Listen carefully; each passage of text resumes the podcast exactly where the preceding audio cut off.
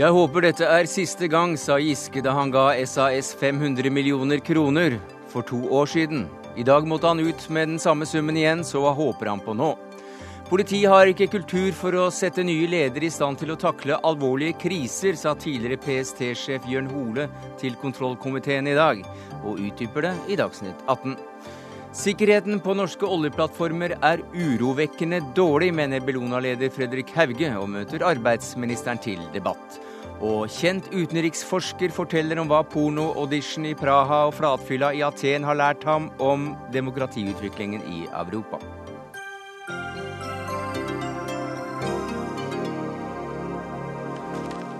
Ja, det er noen av sakene i Dagsnytt 18 denne mandagen, der vi begynner med SAS, som altså reddes nok en gang. Og ifølge toppsjefen er dette siste opprop. Dette er vårt final call. Vi har fått en siste sjanse å starte om. Men det krever en full leveranse av planen. Dette er vårt final call hvis det fortsatt skal være et SAS, sa altså konsernsjef i Scandinavian Airline System Rikard Gustavsson til et samlet pressekorps i Stockholm tidligere i dag. Og hva i all verden mente han med det, salgs- og markedsdirektør i SAS, Eivind Roald? SAS eh, tjente ikke penger i 2008. Vi tjente heller ikke penger i 2009. Vi gjorde det ikke i 10, vi gjorde det ikke i 11. Og foreløpig har vi heller ikke tjent nok penger til å gå med et overskudd i 2012. Da sier det seg selv at tiden er inne for å eh, endre på strukturelle forhold, for å legge historie bak oss og for å bygge et nytt SAS, slik at vi kan tjene penger. Vi kan bli økonomisk uavhengig av eh, banker og av eiere og fortsatt være den ledende aktøren i det nordiske markedet. Du har sagt noe av det samme tidligere?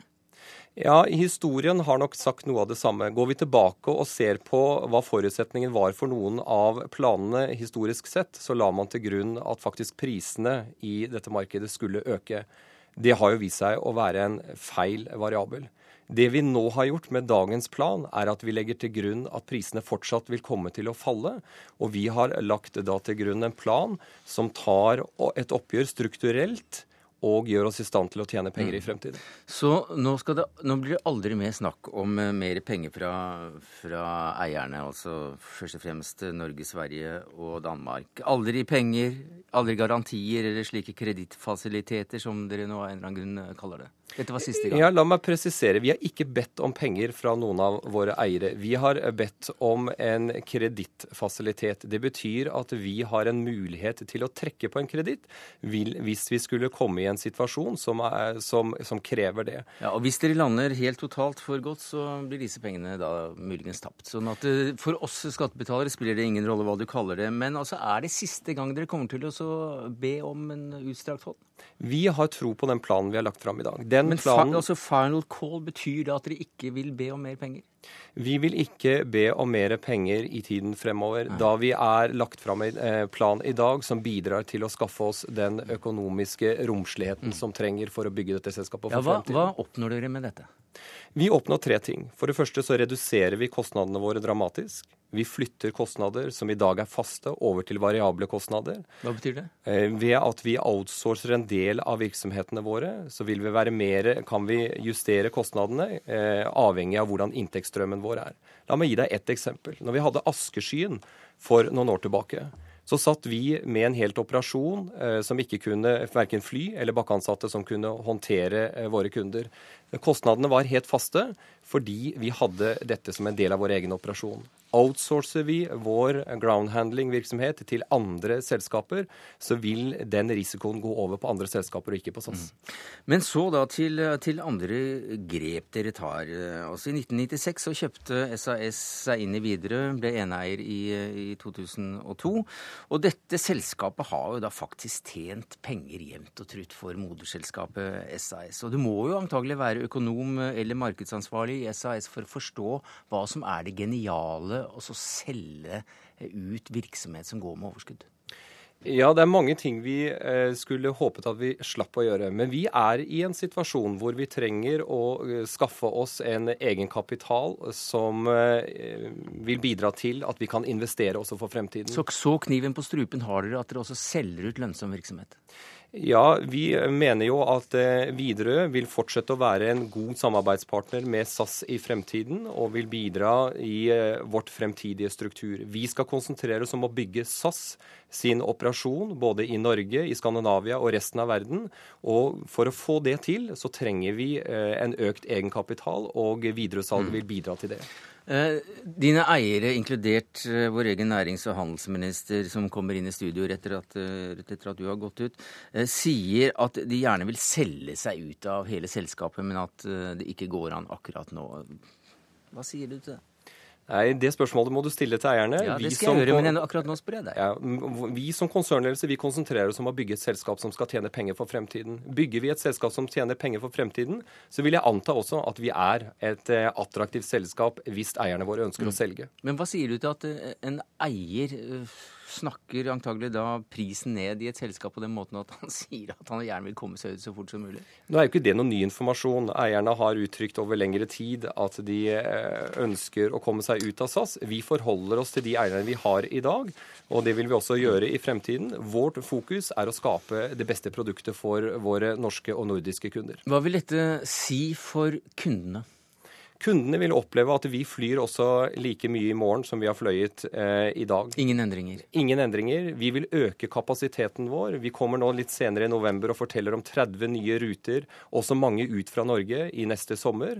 Og vi vil utvikle produktet vårt både for å gjøre det mm. enklere for kundene å reise, og for at kunder skal fortsatt få like konkurransedyktige billetter. Får vi se hvordan eh, det går om et eh, par år. Det er vel omtrent eh, den rundetiden man har på dette her, Eivind Roald. Takk skal du ha som salgs- og markedsdirektør i SAS. Vær så god.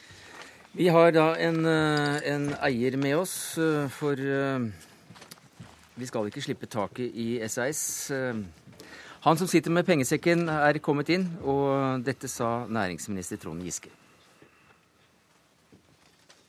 Da har vi ikke noe av det du sa jeg kan gjenta det. For, for, to, for, to, år siden. fordi var, Da vi fant det, så tenkte vi at akkurat dette her Jeg sier du jammen i år igjen. For, for to år siden så ga du 500 eh, millioner kroner, eh, milliarder kroner Nei, 500 millioner kroner, unnskyld, i kapitaltilskudd til eh, selskapet i 2010.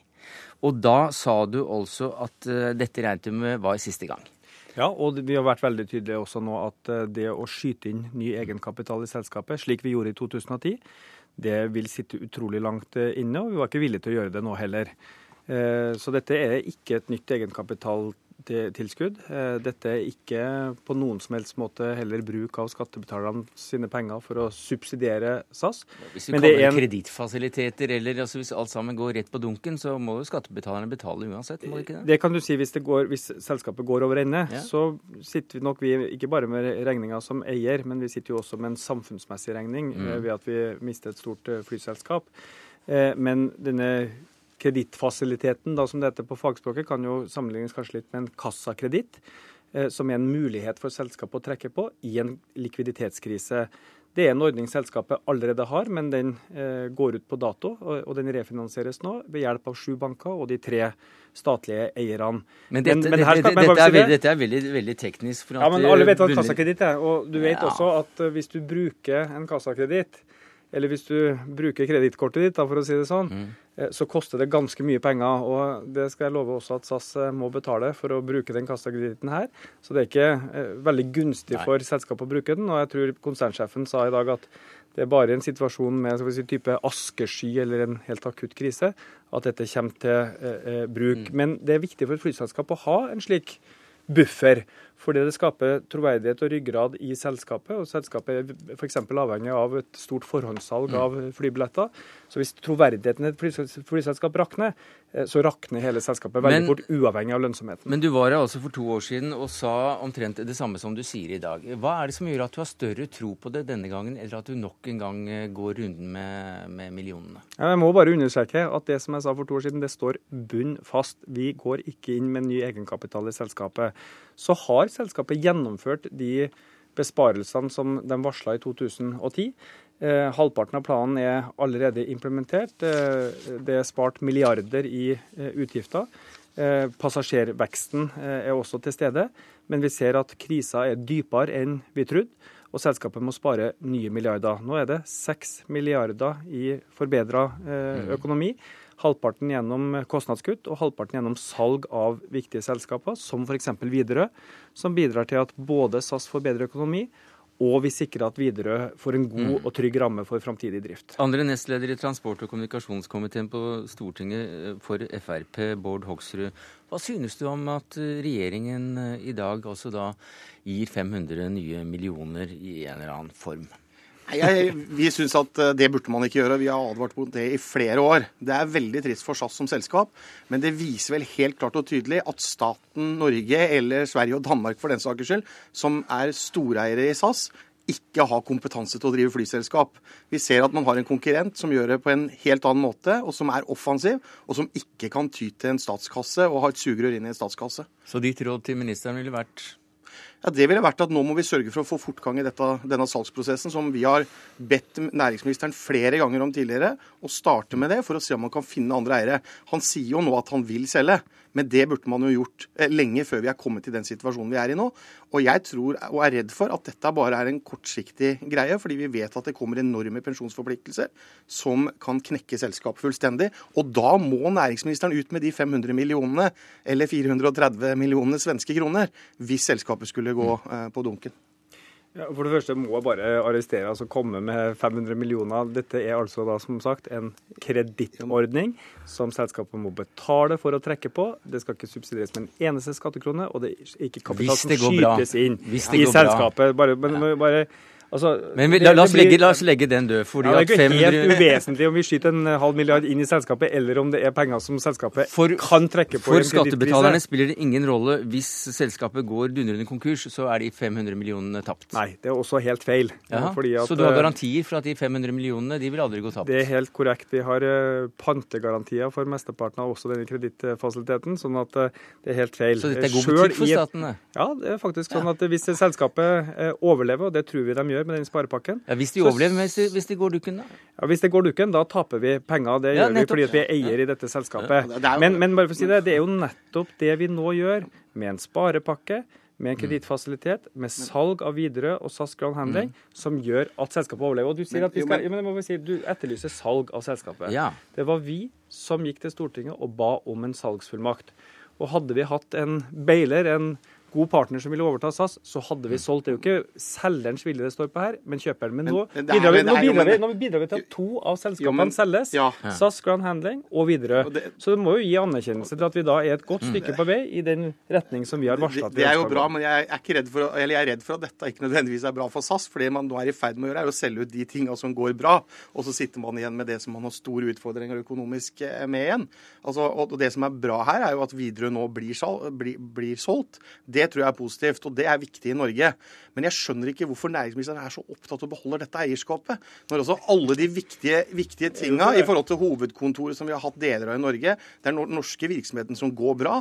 Alt blir nå flytta ut av landet. Men han sier jo at han prøver å bli kvitt det, så for uh... Jo, jeg hører det, men det er jo litt, det litt seint når selskapet er i ferd med å bli slått konkurs. og Vi har hatt mange muligheter opp gjennom åra kvitte oss med selskapet, fordi det er altså ikke en statlig oppgave å drive flyselskap, som eh, Trond Giske driver med nå. Og det er altså sånn at Norwegian har ikke noe eh, noe sugerør inn i den norske statskassa hvis de får trøbbel. Og det er klart Dette betyr at man forfordeler den ene mm. konkurrenten framfor de andre. og Det skaper altså problemer for de, alle de ansatte som jobber i det selskapet, mm. som ikke har den muligheten. Nesten alt du sier, Bård Hoksrud, er feil. Nei, det er For det første, det er ikke staten som driver et, eh, et, flyselskap. Det er ledelsen og styret i SAS som driver et, og ansatte, ikke minst, som driver et flyselskap. Men dere eier det? Vi er en av eh, flere eiere. Mm. Eh, men drifta den foregår av folk som kan å drive flyselskap. Ikke ja, takk for det. for det. Ja, det er viktig. Men, men, men, men driver ikke godt nok, det skal sies. Så vi er en pådriver for at det skal spares mer. For det andre, vi har hatt mange sjanser til å selge SAS. Jeg vil gjerne ha den lista over potensielle kjøpere som vi har sagt nei til. De finnes rett og slett ikke. For det tredje, nå gjennomfører vi altså både en pakke som gjør selskapet mer lønnsomt, mm. og vi selger viktige virksomheter for å sikre dem en god framtid. Så jeg er glad for at du syns det er positivt at vi nå skal selge videre, og at du støtter det. Jeg håper du støtter også den sparepakken vi gjennomfører, eh, og den kredittfasiliteten. For det er dette mm. som skal til for å gjøre ja. SAS lønnsomt. Men hva sier du om to år? Nei, om to Når år de kommer med de samme problemene og sier at vi trenger faktisk 500 millioner til i fasiliteter, eller hva du velger å. Om to år så skal jo denne kredittfasiliteten eh, avsluttes. Den er jo tidsbegrensa. Ja. Ja. så får vi Så se trenger de mer penger. Altså, Den spareplanen som eh, SAS nå gjennomfører, eh, den sier jo våre uh, uavhengige analytikere at det er det som skal til for å bringe selskapet i balanse. Så Men så du vil ikke si at dette er faktisk siste gang? For vi hørte jo at selskapet selv sier at dette er final call, sånn er det, vi kommer ikke til å be om mer penger. Nei, jeg er enig med ledelsen Mm. i selskapet. Hvis man ikke nå bruker den fristen man har til å få kostnadene ned, Mm, til å få passasjerveksten enda mer opp, så er det alvorlig for selskapet. Ja, det er ganske alvorlig allerede, men, Men- da truer de med å legge ned hele driften, og da vil vi tape alle pengene våre. Ja, og det er selvsagt en risiko Mm. eh, med SAS. og Til sjuende og sist er det bare en måte å sikre et eh, flyselskap på, og det er å drive lønnsomt. Men det er altså 5000 ansatte. Mm. Det er millioner av reisende. Eh, Vi har et ansvar som eier for å sørge for at eh, det selskapet får omstilt seg og ta vare på de eierandelene som ligger der, på en god måte. Og det skal er vi bare snakke- å gode hendene og si at nei, vi stiller ikke opp Det skal vi eh, en snakke gang mer om, men Det da er med, uansvarlig. etter med en annen. Jeg ser at Bård Hoksrud har veldig lyst til å svare der, men det får han ikke gjøre som andre nestleder i transport- og kommunikasjonskomiteen. Takk skal du ha, Trond Giske, næringsminister for Arbeiderpartiet. For eh, vi er jo da interessert i å høre hva eh, du sier, Terje Erikstad. Som eh, leder av finansredaksjonen i Dagens Næringsliv, så har du fulgt SAS tett, og det, i det i ganske mange år nå. Eh, når du ser denne pakka som nå legges fram i dag, og både det finansielle og hva som skal selges ut, og hvilke rekonstruksjoner som skal skje i selskapet, er du like optimistisk som f.eks. en næringsminister er? Jeg vil si at eh, det SAS har gjort i dag, eh, var helt nødvendig. Det kan vi fastslå.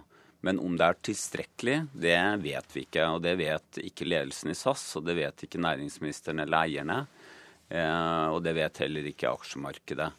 Eh, Men eh, jeg tror jo at det er riktig å si at SAS er nå nærmere en redning enn det var i går. Eller før helga.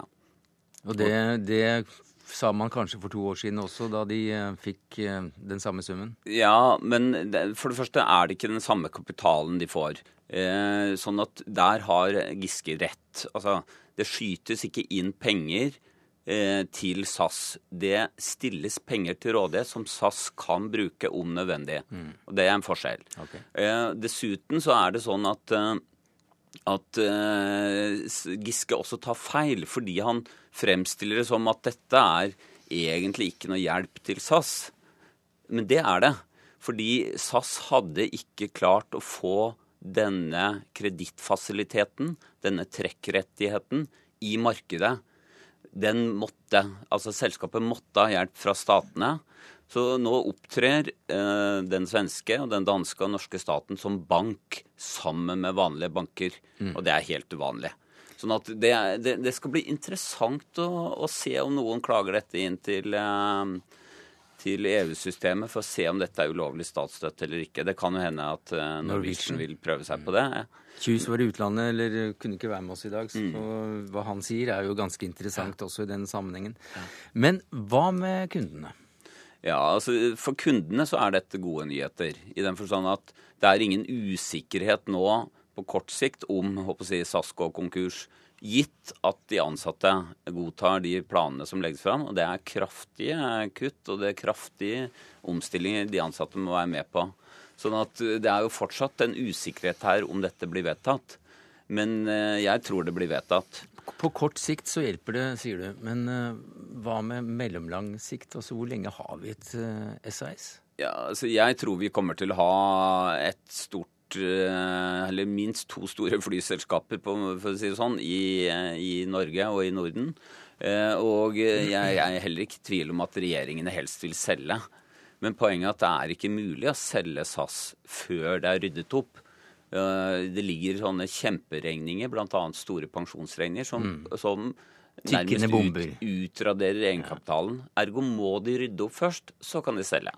Takk skal du ha, Terje Erikstad, leder av finansredaksjonen i Dagens Næringsliv. Hør Dagsnytt 18 når du vil, på nettradio eller som podkast. nrk.no – dagsnytt 18.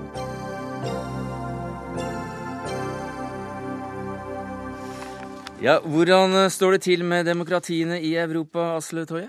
Eh, det er en blandet rapport, hvis vi tar det, den ideen om frihet, likhet og brorskap som vi har fra den franske revolusjon. og jeg mener at det er den ideelle blandingen på mm. et godt samfunn, der man har tilstrekkelig med frihet, tilstrekkelig med likhet og tilstrekkelig med brorskap. Så finner vel jeg i den nye boka mi 'Rødt, hvitt og blått' at vi har kommet i en situasjon der vi har eh, prioritert frihet på bekostning av likhet og til ekskludering av mm. brorskap. Det skal vi komme tilbake til. Men du underviser da altså ved universitetet og, og har nå kommet ut med denne boka 'Rødt, hvitt og blått' om demokratiet i Europa. Eh, tittelen etter da trikoloren, eh, som eh, representerer symbolet for likhet, frihet og broderskap. Men hva sier du til dette omslaget? altså en frodig kvinnekropp i lårkort. Er det for at unga skal lese den i smug og lære seg noe om utenrikspolitikk samtidig? Ja, jeg ønsker jo å appellere til unge lesegrupper. Nei, det en, dette er en betenkning over et utrolig berømt maleri fra 1830 som heter 'Friheten leder folket' av Delacroix. Det er eh, et av verdenshistoriens mest berømte malerier. Eh, og det er også en, eh, en, kommentar på en del av innholdet i boka. Eh, spesifikt eh, mitt, eh, min kontakt med pornobransjen i ja. Tsjekkia. Ja, for det du gjør i denne boka, Torje, det er jo å reise rundt til en 12-13 hovedsteder. Snakke med folk, oppleve fenomener, oppsøke både fenomener og, og, og, og miljøer. Og så bruker du da det som en slags prisme for å forstå deler av, av endringer. Og da hvordan står det til med demokratiet, og, hvor går demokratiet? Det stemmer. Men fortell, fortell, nå, siden du nevnte det selv, dette med, dette med pornoindustrien. Altså, uh, hvordan kan uh, sex- og dopindustrien være et prisme for demokratiutviklingen i Tsjekkia? Det er En av de store utviklingene faktisk som har skjedd i vår, eh, i vår samtid, er det at eh, pornografi har blitt mainstream. Nesten halvparten av alle nettsøk i Amerika eh, går med til, eller båndvidden går med til, eh, til pornografi. Eh, Nylig i Canada hadde man et forskningsprosjekt som man måtte innstille pga. at man ikke klarte å finne nok menn eh, til å utgjøre en kontrollgruppe som ikke bruker pornografi. Og jeg gikk, eh, dro til Tsjekkia for å finne ut hvorfor var det slik at eh, Øst-Europa har blitt selve episenteret for pornoindustrien, ja. og fant da ut at eh, eh, metamfetamin, eh, et droge som er veldig vanlig for kvinner som arbeider i, pornoindustrien, er ekstremt utbredt i Tsjekkia. og Det er noe som veldig mange av disse pornoskuespillerne. Bruker. Og dette er en ekstremt menneskefiendtlig bransje som er med ekstremt høy selvmordsrisiko. Eh, og egentlig så skrev jeg det med mest bare for å gjøre folk oppmerksom på at eh, det har en pris, når vi blir så pragmatiske at vi tenker hvis det ikke er en eh, lov som forbyr det, så er det vel greit. Mm. Vi må også gjøre våre moralske vurderinger selv i et moderne Europa. Ja, og det har en pris å bli med en Sorba-figur som introduserer deg for denne furukvaens forbannelser dagen derpå også. Du skriver om flatfylla og bruker da den historien og denne barnløse eh, Sorba-karen eh, for å belyse betydningen av tallet 1,3. 1,3 er sammenbruddets tall. Eh, I det øyeblikket en befolkning ikke kommer til en reproduksjonsrate på 1,3, eh, så, så, vil den mer eller mindre kollapse. 1,3 barn per par. 1,3 barn per kvinne. For at en befolkning skal holde seg selv på den, det nivået den er, så må kvinnene få 2,1 barn. Eh, den 0,1 er bare for de som blir borte mm. underveis. Og i Hellas så er nå reproduksjonsraten nede i 1,3. og det vil Si at selv om Hellas skulle klare å amputere seg ut av det uføret som de er i nå, så vil de finne at de ikke har noen å etterlate denne dyrkjøpte arven mm. til. Eh, jeg har vært eh, så heldig at jeg har fått veldig mange greske venner i løpet av, eh, av studietiden. Og ble introdusert for en lokal drikk som heter Retsina. Eh, som norske lesere skal vite at dette er den drikken i verden som gir den aller verste baksmella. Kan tenke seg at en annen P2-lytter nikker gjenkjennende til det. Men, men prosjektet ditt her, ja. det er jo, eller konklusjonen din eh, den, Jeg vet ikke om du hadde den på forhånd, men i hvert fall så slår du et slag for nasjonalstaten. Å gjenreise eh, det nasjonale i, i, landene som en slags ryggrad i, i, i forståelsen av seg selv og og identiteten? Jeg tror det er viktig og at vi har et kollektivt vi, en kollektiv identitet som knytter elitene til folket, og som gjør det mulig for nyankomne, for innvandrere, å ta del i fellesskapet fullt ut. Eh, jeg tror det er viktig eh, for eh, å ha en idé om nasjonen for at man skal bevare denne viljen til å la seg beskatte. Man skal se seg selv i andre. Og det er noen ting som har blitt en mangelvare i Europa. Vi ser oppløsningstendenser. Mange føler seg fremmedgjorte. Og det er også noen ting av bakgrunnen for de ekstremt store demonstrasjonene og uroen man ser bre seg gjennom Europa nå i forbindelse med finanskrisen. Men er ikke EU en del av akkurat det problemet? At man skal prøve å overføre en del av identiteten til noe overnasjonalt? EU eh, har siden sin begynnelse gjort en fantastisk jobb i å bevare freden i Europa. Og vi må huske at Europa har vært et veldig krigsutsatt kontinent. Sjansen for at du skulle dø i krig har vært overhengende for tidligere generasjoner. Vi har hatt Lundestad og Jagland i studio for å snakke om akkurat det. ja, eh, Mens uh, utover 1990-tallet så fikk man en utvikling der eh, en gruppe idealister i EU ønsket å pushe dette videre mot å skape en overnasjonal Eh, union, mm. en erstatter til nasjonalstatene. Dette prosjektet havarerte med grunnlovstraktaten. Eh, og nå ser vi også at eh, den, den, drift, den, bevegelsen mot stadig dypere og tettere integrasjon er i ferd med å reverseres. Vi ser nå f.eks. i Storbritannia så vil man ha en folkeavstemning om kanskje til og med EU-medlemskapet. Du er opptatt av innvandring og hva innvandring og en manglende uh, integrering gjør med ulike land. Og du bruker flere eksempler uh, fra dine reiser, særlig da uh, Nederland, Storbritannia og et, et par til. men du sa til Ekko i P2 i formiddag at du er, du er ikke mot innvandring? Nei, hvorfor, hvorfor, skulle man være nei, der? men du, du, er blitt tolket uh, dit hen i, i, ulike sammenhenger, som du er innvandrerskeptiker uh, per excellence. Men det du sier, det er at du er mer imot de elitene som bestemmer hva som skal være innvandring. Jeg tror det er viktig at hvis man skal ha eh, masseinnvandring av den skalaen som mange europeiske land har opplevd, så er det viktig at innvandrerne integreres, slik at man ikke kommer i en situasjon der noen er mer norske enn andre, og hvor man kommer i en situasjon der eh, innvandrergrupper eh, skal, effektivt etablerer enklaver, segregert, selvsegregerte samfunn som mm. lever etter andre verdier enn de som storsamfunnet lever etter. Eh, det var det vi rakk her. Jeg ser at Elin Ørjasæter, som skriver eh, kommentarer og korte bjeff i Nettavisen, som hun uh, sier selv, hun skriver at hun har lest årets beste bok med denne her. Mens anmelderen i Dagens Næringsliv også er full av hyllest, men mener, mener at dette omslaget da ser ut som en erotikkbok fra Island i 1974. Jeg har ikke lest så mye islandsk retorikk, nei, pornografi, men uh, kanskje han har rett. Takk skal du ha, Asle Toje, forfatter og forskningsleder ved Nobelinstituttet. Takk skal du ha. PST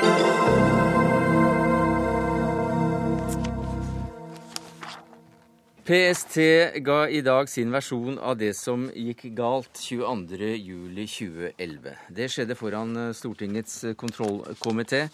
Eh, Jørn Hole har vært eh, sjef i PST fra Holme har vært eh, sjef for PST fra august 2004 til oktober 2009, altså nesten to år da, før terrorangrepet i, i, fjor sommer. I dag var du kalt inn til Stortingets 22. juli-høring, og du sa at det er et ledelsesansvar at nye ledere settes i stand til å takle alvorlige kriser, men at dette ikke har vært kulturen i norsk politi. Kan du utdype det? Ja, Det som skjedde den, den, dagen, var at veldig mange ledere var nye. Det var mange som var på ferie, og det var på mange måter de nye og vikarenes eh, prøve. Eh, mange av de hadde ikke noen opplæring, hadde ikke vært gjennom en terrorøvelse. Eh, og det er jo folk som jeg tenker Hadde de vært på plass der, så hadde alt gått bedre. Men det er ikke sånn man kan ha det, egentlig. Man må skape en kultur bak seg som sørger for at eh, folk eh, som er vikarer og nye, nesten er like gode som de som er eksperter. Hvem har ansvaret for dette?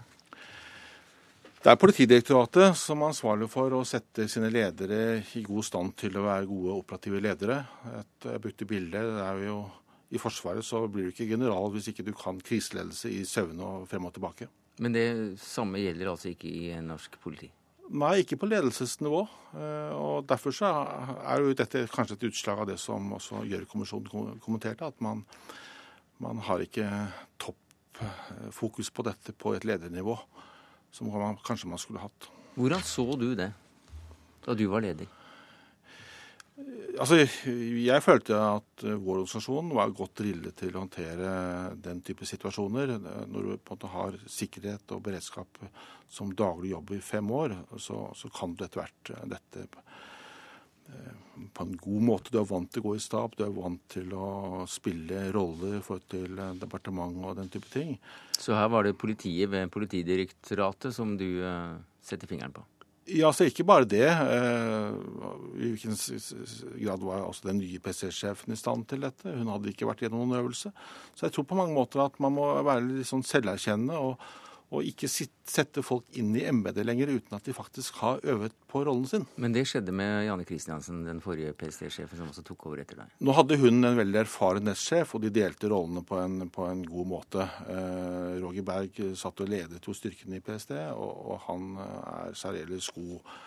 Så, men la oss si at ikke han hadde vært der, la oss si at hun hadde vært der alene, så hadde situasjonen vært enda mer krevende for henne. Men som sagt, det gjelder jo ikke bare henne. Det gjelder jo eh, den nye politidirektøren. det gjelder politimesteren. Det gjelder flere mellomledere i Oslo.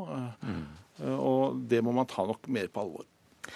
Du var tydelig i dag på at regjeringen ikke ga PST de nødvendige ressursene dere mente dere, dere trengte. Samtidig så fikk jo PST økte ressurser i løpet av 2000-tallet. Hva gikk de pengene til? da? Det gikk jo først penger til å flytte fra politihuset i Oslo, et nytt bygg, et nytt datasystem. Det kostet veldig mye. Og så uh, har jo regjeringene fra, fra Bondevik II og, fremover uh, satset uh, kraftig på PST. Og PST er jo blitt vinneren i forhold til resten av politiet. Ja. Men trusselbildet har også blitt mye mer vanskeligere og komplisert, særlig etter vår inntreden militært i Afghanistan og den ustabile situasjonen i Pakistan. Og det er klart at Jeg sa jo i 2007, og det kom jo frem, at det tar bare et par år før vi sannsynligvis får en terrorhandling i, i Norge. Mm. Eh, du sa også i dag til 22. Eh, juli, eh, i 22. juli-høringen at vi har for mange offentlige organer med ansvar for sikkerhet. Mm. Hvordan ser dette ut i en idealtilstand? Ja, det er også amerikanernes erfaring etter 9-11. De var altfor fragmentert. Og de samlet jo mye mer under ett departement. Og jeg nevnte eksempelvis at vi har et sikkerhetsdirektorat som ligger under Forsvaret, som har betydelige roller i sivil sektor, med objektsikring bl.a. Og så har vi et annet direktorat under Justisdepartementet. Og så har vi fått et nytt nødnettdirektorat eh, i tillegg, da. Og klart Ved siden av PST og, og Politidirektoratet så er det veldig mange organer som jeg tror bidrar til uklare ansvarsforhold. Så hvordan det er organisert nå, det bør egentlig være en sak for eh, Fortidsminneforeningen og slike ting som du i dag sysler mer med. Men PST var jo da heller ikke involvert da sikkerheten til regjeringen og regjeringskvartalet var et, eh, et tema. Eh, hva tenker du om det? Det var et valg som man gjorde der og da. Kanskje ikke det var så klokt i ettertid. Jeg tror ikke det hadde noen betydning for mm. regjeringskvartalet. Men eh, vi hadde en rolle i trusselvurderingen knyttet til når prosjektet ble laget. Men eh, vi hadde ingen rolle for til Grubbegata og de tingene. Eh, det var politidirektørens ansvarsfelt, og vi fikk nærmest beskjed om å holde oss unna. Din etterfølger Janne Kristiansen sa i dag at hun ikke kan si hvordan man hadde reagert om PST konsentrerte seg om en lunte til 100 kroner. Hvilket ansvar mener du PST hadde for å kunne avdekke en Breivik? PST hadde naturlig nok et fokus på ekstrem islamisme helt frem til eh, høsten 09, når jeg eh, sluttet. Og sikkert etterpå også. Jeg kjenner ikke PSTs prioriteringer etter min tid. Eh, men det er helt klart at det man har lært i denne saken, er at man må ha mer fokus på kapasiteter.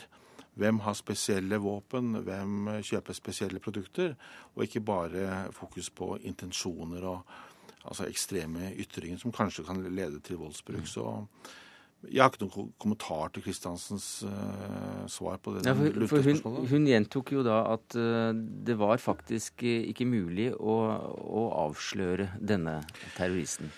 Nei, og det er nok en utfordring knyttet til at hvis du ikke er i et forbund, du er alene, du gjør deg ikke bemerket i noen sammenhenger, og i det stille så erverver du ulike utstyr Så du deler hennes oppfatning? Ja, det er en krevende oppfatning for, for både politiet og PST å nøste opp slike ting.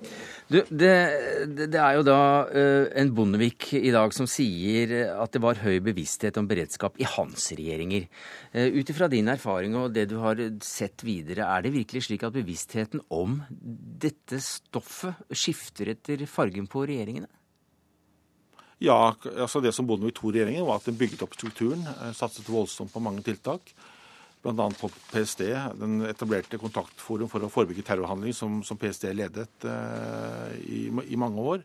Et viktig tiltak. Så jeg vil jo si at spesielt justisminister Dørum må jo huskes som den fremste og største beredskapsminister i Norge. Så det er også personavhengig? Ja, men også i forhold til det ansvaret man legger på politikerne. Mm. Altså, eh, Storberget fikk jo også ansvar for innvandringsavdelingen etter at det ble tatt vekk fra justis eh, tidligere. Eh, så spørsmålet hvor stort fokus skal du ha når du skal ha et justis- og beredskapsdepartement? Takk skal du ha, Jørn Holme, tidligere sjef i PST. Astrid Randen, du er vår reporter der nede på Stortinget, og du har fulgt med i hele dag. Hva er det viktigste som har kommet fram, bortsett fra, fra det vi har hørt den tidligere PST-sjefen si her i studio? Det viktigste i dag var nok forklaringa til hun som eh, tok over etter Jørn Holme, og som var PST-sjef den 22. juli, nemlig Janne Christiansen. Dette er jo første gang hun forklarer seg etter at Gjørv-kommisjonen la fram sin rapport. Og hun avviste bestemt Gjørv sin konklusjon om at PST kunne ha kommet på sporet av Breivik før angrepet. Hun sa altså det du eh, tidligere nevnte, at eh, hun ikke visste hvordan folk ville reagert om de hadde konsentrert seg om eh, noen som bestilte ei lunte for 100 kroner i utlandet, med det trusselbildet som en, som en da hadde. Og PST og Kristiansen har jo også fått sterk kritikk for å ikke ha hatt nok fokus på, på høyreekstremisme og på soloterrorisme. Og eh, Janne Kristiansen hun gikk inn i denne høringa med løfta hode i dag og åpna med å si at hennes hovedfokus det var på ekstrem islamisme. At hun sto fast på denne, at denne prioriteringa den var både nødvendig og den var eh, korrekt. Det var litt spesielt eh, å se og høre Janne Kristiansen tilbake i akkurat den høringssalen? Ja, ja, det var litt spesielt. For uh, forrige gang hun var i uh, akkurat dette rommet, den 18. januar, så forklarte hun seg til Stortingets 22. juli-kommisjon, altså den som uh, ble ledet av Knut Arild Hareide. Og det var da hun røpa at E-tjenesten hadde agenter i Pakistan. Noe som var hemmeligstempla informasjon som hun ikke hadde lov til å, til å snakke om. Og samme, samme kveld så måtte hun altså gå av som PST PST-sjef eh, mm. etter denne tabba. og eh, har holdt seg unna offentligheten eh, fram til i dag. Jørn Holme, siden du sitter her som tidligere PST-sjef og ikke har forlatt oss, så må jeg nesten spørre deg, tror du at det var den reelle årsaken til at hun måtte gå? At hun røpet at det var en agent i Pakistan? Nå må jeg bare si at eh, I dag så har jeg ikke for første gang på tre år sagt noe om PST. Eh, og jeg kommer sannsynligvis ikke til å si noe om, om PST på mange år. Så benytt denne lille ja. luka i dag. Ja. Jeg tror nok det var ting som hadde bygget seg opp i forhold til eh, spesielt uttalelsene hennes. Eh, men eh, noe mer vil jeg ikke spekulere i det. Eh, Hva hadde bygget seg opp? Jeg tror nok at uh, det var noen uttalelser som, som, eh, hun også i ettertid så som uheldige. Og, og, Før denne høringen? Så jeg tror nok at det var ting som hadde bygget seg opp. Men, men, men Kristiansen var en kraftfull og stå-på-dame, hun som PST-sjef, så det skal hun ha. Du, Siden det er siste gang du sier noe om dette her på, på de neste årene, så må jeg nesten da få spørre deg hvor, hvordan Lund-kommisjonens arbeid eh, la føringer på virksomheten i PST også under din tid? Altså, Sefland og jeg bygget opp et PST som lå nede med brukket rygg. Eh, vi måtte få flerfagligheten inn. Vi måtte få tillit i nå i de muslimske samfunnene, som gjorde at også de, de, så på PST som sine beskyttere. Det var en krevende oppgave etter dette kommunistfokuset som var tidligere. Og det PST som, som jeg forlot i 09, var usedvanlig dyktige, og jeg er veldig stolt av dem. Og jeg mener at de er blant de beste i Europa til å håndtere ulike trusler. Og vi hadde et fokus på høyreekstreme, vi hadde et fokus på mentalt ustabile, som ble en mm. stadig større risiko for, for oss. Men eh, ble hele organisasjonen så redusert at eh, det f.eks. Eh, hadde innvirkning på mulighetene for å kunne ta en Breivik? Jeg kjenner ikke prioriteringene etter at jeg gikk av. Men det er kommet frem at man fikk denne listen fra tollvesenet. Så er det jo forståelig på en måte at den ikke blir prioritert i, det tidsvinduet som man da var i. Eh, PST hadde da, og har fortsatt, etter det jeg har forstått, eh, tunge utfordringer knyttet til eh, ekstrem islamisme. Mm. Og det må man forstå. Det er vel noe av det som også Kristiansen prøvde å utdype. Jørn Holme, tilbake altså som tidligere sjef i PST. Hjertelig velkommen som ja. det igjen, selv om det da kan antagelig gå noen dager til. Ja, men nå skal vi feire 100-årsjubileum, for nå er direktoratet vårt 100 år på torsdag. Gratulerer med dagen. Tusen takk. Eh, Anders Anundsen er eh, leder av Stortingets kontrollkomité og representerer Frp. Martin Kolberg er eh, nestleder, og han representerer Arbeiderpartiet. Og det var også første gang Holme snakker om sin tid som PST-sjef. Anders Anundsen, du er leder av komiteen, som sagt. Hva fikk du ut av det? Det var eh, for vårt vedkommende viktig å få frem hvordan formidlingen av budskapet om PSTs behov har vært overfor Justisdepartementet. Mm. Eh, både fordi det er viktig å høre hvor tydelig de har gitt signaler om hva PST trenger og hva de har behov for. Og vi må se det i sammenheng med den informasjonen som Stortinget har fått på disse områdene. Stortinget er jo ikke veldig godt egnet for å vite så mye om PST. Vi har ingen egen sikkerhetskomité. Vi har ikke noe sted på en måte å håndtere det annet enn den utvida utenriks- og forsvarskomiteen, som heller ikke er spesielt godt egnet til å vite så veldig mye om det som skjer i PST. Hva syns du denne dagen ga av innsikt til ansvarsforhold og, og regjeringens håndtering av eh, dette? Det var jo flere forhold, fordi vi hadde jo både Forsvaret, PST og også tidligere mm. statsminister og justisminister inne. I forhold til PST så mener jeg at eh, den klare meldingen til departementet bidrar til å peke en retning på ansvar. Eh, fordi en da har foretatt en politisk vurdering av hva PST skal få av ressurser, hva de skal få av muligheter. Eh, og det må man selvfølgelig stå til ansvar for. Hva sier du til det, Martin Kolberg, nestleder i kontrollkomiteen? Nei, Jeg sier at jeg er eh, enig i vurderingen av at vi fikk uh, viktige opplysninger. Uh, men samtidig sitter jo jeg med den tanken jeg hører Anundsen sier det han sier, at regjeringen har jo prioritert både politiet og PST veldig betydelig i denne perioden. Og Holme understreket jo også veldig sterkt det gode samarbeidet han har hatt med forskjellige statsråder, også da med Storberget, som han berømmet, ved siden av, som vi hørte nå, med rette at han berømmet Dørum. Eh, og eh, jeg tror det er regjeringen, jeg tror vi kan si med ganske brei penn, at regjeringen har prioritert PST og PSTs arbeid veldig, veldig høyt. Eh, men det er jo dette vi skal finne endelig ut av, og Holmes bidrag, og jeg vil si også Janne Kristiansens opptreden og utsagn bidro til iallfall en del tankevirksomhet hos meg. Ja, Det er ingen tvil om at eh, begge kom med viktige innspill. og Vi skal jo grave enda mer i dette. Ikke minst må vi sammenligne de eh, opplysningene som Stortinget faktisk har fått. Det er jo ikke sikkert det er noe misforhold mellom de opplysningene vi har fått i dag og de som tidligere er overbrakt Stortinget. Så eh, jeg syns det har vært bra. Hvis jeg skal si noen andre ting som jeg syns har vært eh, viktig og bra i dag, så har vi også fått en runde rundt Forsvaret og mobiliseringskraft. De Forsvarssjefen er jo fortsatt helt tydelig på at han kunne stille med den kraften som var nødvendig. og at at mm. f.eks. nedleggelsen av HV016, som NUPI har sagt var en stor utfordring for beredskapen i, eh, i norsk sammenheng, ikke hadde den betydningen. Mm. Og jeg syns også eh, at både Bondevik og Dørum gjorde gode figurer i dag ved å forklare om den, den system, det systemet de hadde på plass i forhold til sikkerhetsprosjektet og ansvarsforholdene rundt der. Ja, I hele tatt er det slik at høringen gir tilleggsinformasjon, selv om vi har lest mye om dette. Eh, fordi at det som fremstår verbalt, og når de må svare på konkrete spørsmål, så kommer det opp viktige nyanser. F.eks. det som vi hørte her rett før vi kom inn i sending. Dette som knytter seg til at Janne Kristiansens intense protest mot kommisjonens konklusjon om at hvis de hadde gått breiere ut, kunne de tatt Breivik. Eh, det er jo en sak som selvfølgelig Stortinget må forholde seg til, og som vi må kommentere. Mm. Jeg vil også si et par ord om dette med forholdet mellom politi og forsvar. Fordi at det er en viktig sak i hele, hele komplekset, kan du si. Eh, og som Stortinget må ha en mening om, ikke bare på kontrollsida, men fremover. Mm. Og eh, de var jo forsiktige i Forsvaret med å uttale seg veldig konkret om årsakssammenhengen når det gjaldt dette at de ikke ble brukt tidligere. Eh, men mitt bilde er jo at her har vi hatt her har vi en utfordring mm. som nok ligger på politisiden, slik som jeg bedømmer det. Og så får vi høre hva politiet sier når de kommer til høringen. Men det er en av de viktige sakene som kom fram i dag, eh, som har med fremtidens beredskap å gjøre. Men Kolberg, du ble også ja, lettere irritert da noen av forsvarstoppene ikke, ikke svarte slik du ville? Nei, ikke, ikke slik jeg ville, men jeg mener, jeg mener følgende. Stortinget har en høring om en sak som har vært gransket så grundig, hvor konklusjonene er slik som vi ser. Og vi har vært utsatt for altså en forferdelig tragedie.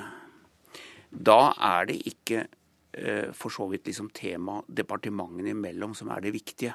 At man ikke skal snakke galt om hverandre. Da må man si hva man mener mm. når Stortinget spør.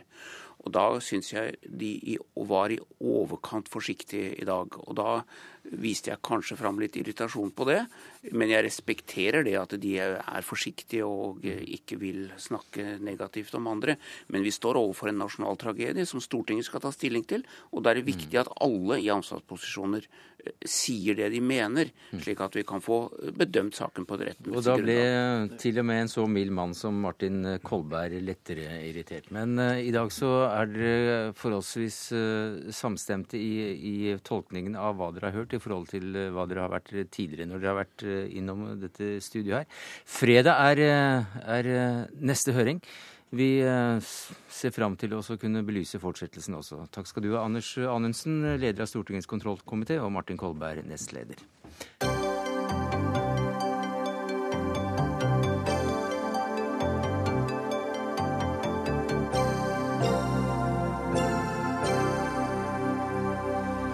Der fikk vi et lite musikalsk skilletegn, men det var slett ikke nødvendig, for vi skal fremdeles holde oss til denne høringen. Og Marie Simonsen, politisk redaktør i Dagbladet. Hva fikk du ut av høringen i dag, enn si en, en Holme som besøkte oss i Dagsnytt 18 i dag?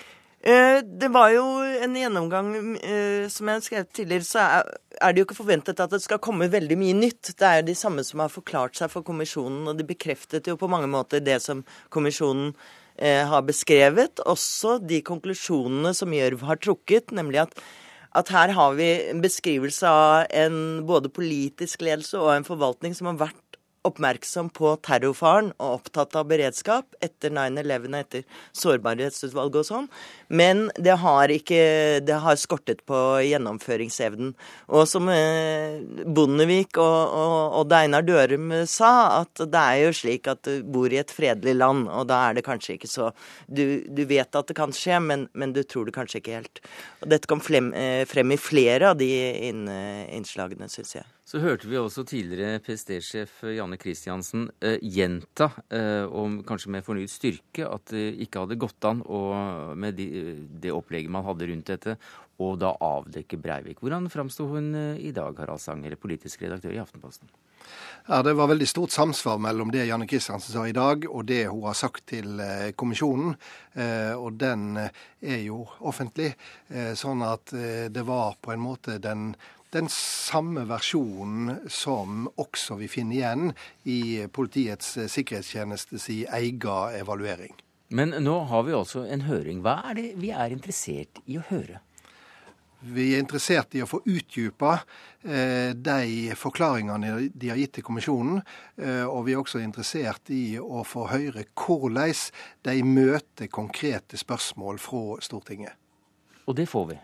Ja, men, men, det som også er klart, er jo at uh, det er Stortingets uh, høring, dette her. Mm. Uh, så det de er ute etter, er på en måte å, plassere det politiske ansvar. Det er det som liksom er litt kjernen i det oppdraget vi ser her nå.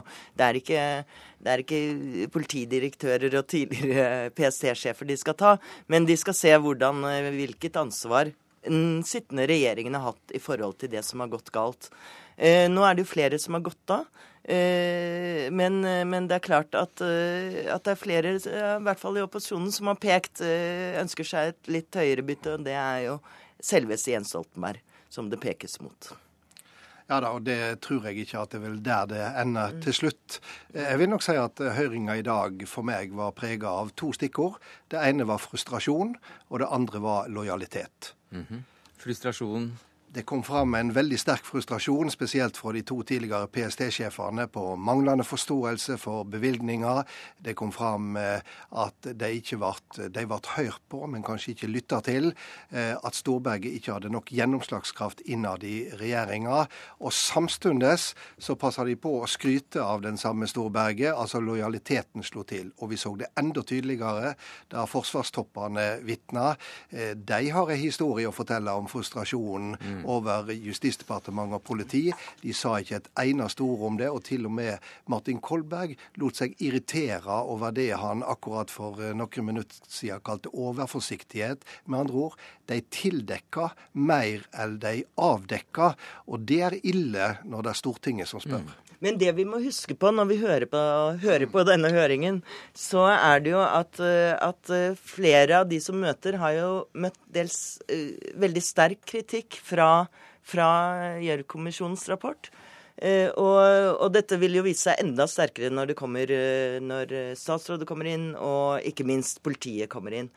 Og de er jo også i en forsvarsposisjon. Man må høre mellom linjene. De forklarer at det er mangel på ressurser. Hvis de bare hadde fått lov til det. PST var jo inne på at de ville ha mer. Eh, eh, videre fullmakter. Hvis de kunne hatt det, så ville alt eh, vært mm. bedre. Mm. Så vi må liksom holde tunga litt rett i munnen her og ikke si, tro at det bare var ressurser og videre fullmakter som skal til, så skal alt dette ordne seg. Det gjelder nok for eh, PST-sjefene, men ikke for de som møtte fra Forsvaret og Forsvarsdepartementet. Mm. Fordi at de er jo av de relativt få ved sida av helsesida som går klar i eh, mm. Gjørv-kommisjonen. Eh, det vi så i dag, var jo også, det var jo også vitne for kommisjonen i dag, som har forklart seg mye mer direkte for kommisjonen enn de var villige mm. til å gjøre for Stortingets kontroll organ. Eh, og det syns jeg er ganske ille. Mm. Jeg håper vi får anledning til å få deg inn, eh, Marie Simonsen, når, når departementssjefene, statsrådene, kommer inn, og ikke minst statsministeren også. Det er tre høringer til, mm. eller dager til. Men du har jo allerede sagt en del av hva du mente i, på Dagbladets kommentarfelt da du ba Høyre komme ut og si om de hadde mistillit til statsministeren, sånn at det kom opp og fram. Jeg mener at, at, det ligger i sakens natur at dette også har, vil gå partipolitikk i. Det, det, ser man jo hvordan posisjonen og regjeringen inntar forskjellige, dels forskjellige roller, og det er nesten uunngåelig. Men 22.07 er jo en sak som egner seg svært dårlig til det. En nasjonal tragedie hvor man ikke kommer bort fra det bakteppet at det bl.a. er regjeringen og Jens Stoltenbergs parti som ble hardest rammet. Eh, jeg mener da i hvert fall at det er rettferdig at man spiller med helt åpne kort og sier hva man vil, og at man ikke mm. later antyder som at det egentlig er grunnlag for mistillit, hvis man ikke er villig til å si det rett ut. Takk skal du ha, Marie Simonsen, politisk redaktør i Dagbladet, Harald Stanghelle, politisk redaktør i Aftenposten.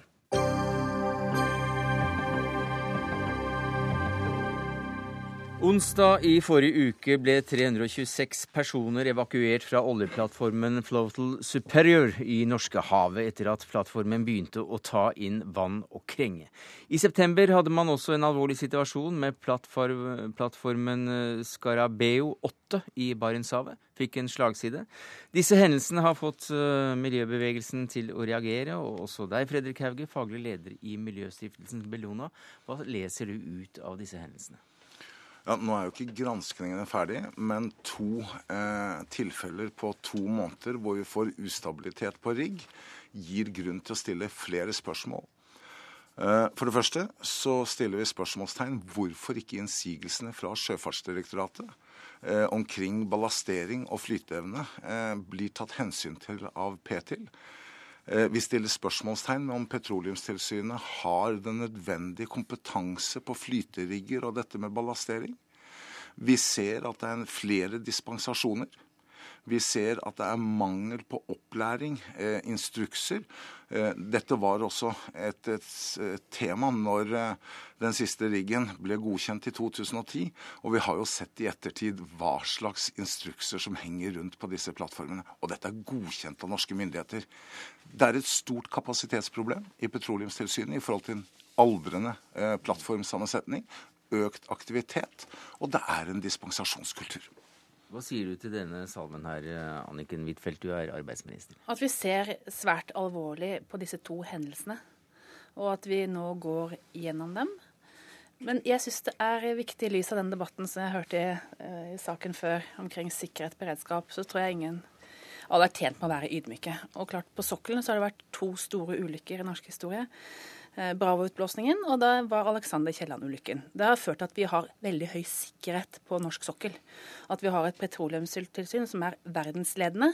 Men vi må ta alle ulykker alvorlig. Og det som er annerledes nå i forhold til situasjonen vi så det for noen år siden, det er for det første at det er økt aktivitet.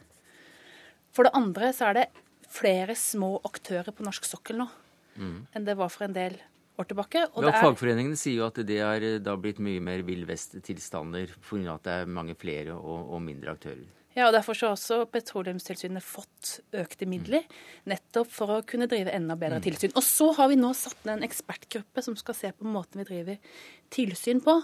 Fordi at eh, vi er fornøyd med det sikkerhetsnivået vi har på norsk sokkel, men vi skal være ydmyke mm. i forhold til at vi må forbedre oss i forhold til å møte nye utfordringer. Det blir ofte noe å hvile på at vi er så flinke, men nettopp i det ligger kanskje den største risikoen for at ulykker skal skje. Jeg er veldig glad for at det nå skal bli sett på hvordan tilsynet jobber. Eh, jeg mener at generelt når det gjelder tilsyn, så har vi en ukultur i Norge. Jeg satt i Sårbarhetsutvalget i 2001. Jeg mener vi klart og tydelig avdekket en dispensasjonskultur.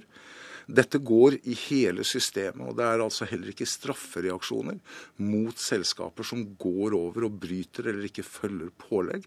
Vi har nettopp nå tatt opp med Riksadvokaten en rekke seriøse forhold. Vi er anmeldt, også Forurensningstilsynet er anmeldt. Ingen av de blir ferdig etterforsket. Så det er totalt manglende straff hvis man gjør noe galt. Og så har jeg lyst til å si én ting. De små oljemyggene er absolutt en utfordring. Kompetent personell er en utfordring, men det er også en utfordring at et så stort selskap som Statoil kynisk og systematisk søker å utnytte de svakheter som er i tilsynet, og benytter seg i stor grad av dispensasjoner. Nei, for det er jo tilsynet som, eh, som mange nå setter fingeren på og, og, vil ha under lupen for å se om gjør jobben sin, og om politikerne har gjort dem i stand til å gjøre jobben sin. Blant annet så skal de også gi altfor mange dispensasjoner. Hva sier du til det? Ja, at det hadde vært en positiv utvikling når det gjelder sikkerhetsnivå på norsk sokkel de siste årene. Men uh, Vi er fornøyd med de resultatene vi har, men jeg er enig med Fredrik Hauge i at vi skal være kritiske til hvordan vi jobber.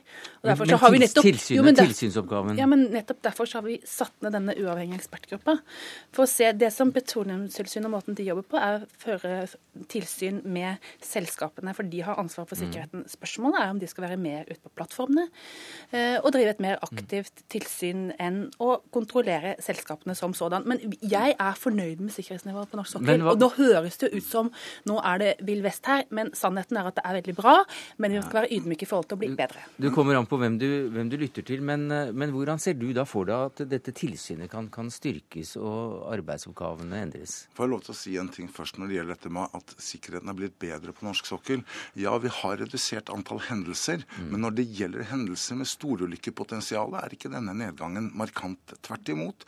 Og vi hadde Gullfaks C-historien for to år siden, som er en katastrofe, en oppskrift på hvordan det svikter i alle ledd. Den saken ble også klaget helt inn til ditt departement, og den konkrete boringen som gikk galt, ble godkjent av ditt departement. Det sier noe om at vi har en systemsvikt.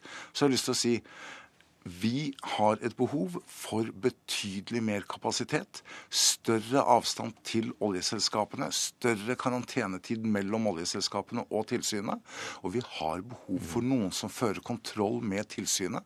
Det er en av grunnene til at Sårbarhetsutvalget i 2001 gikk inn for et eget innenriksdepartement som skulle ha slik tilsyn. Jeg tror det er viktig i et lite land som Norge, hvor alle mm. kjenner alle. Anniken Huitfeldt, hva hadde du sagt til å bli innenriksminister i Norge? Ja, så Gjørv-kommisjonen konkluderer i hvert fall ikke med at et innenriksdepartement er svaret når det gjelder beredskap. Men det jeg gjorde da vi presenterte Jo, mm. jo men um, Det som er Poenget er at Mm. når vi presenterte statsbudsjettet i år, så var Ja, det første jeg raskt. gjorde, var å dra, dra til Petroleumstilsynet. De fikk en stor økning nettopp for å drive økt eh, eh, tilsyn. Det var det vi rakk i Dagsnytt 18 denne mandagen. Siste sak ut var Fredrik Hauge og Anniken Huitfeldt. Takk skal dere ha. Ansvarlig for sendinga var Sire Storstein Hytten. Det tekniske ansvaret hadde Odd Evenrud. Jeg heter Sverre Tom Radøy.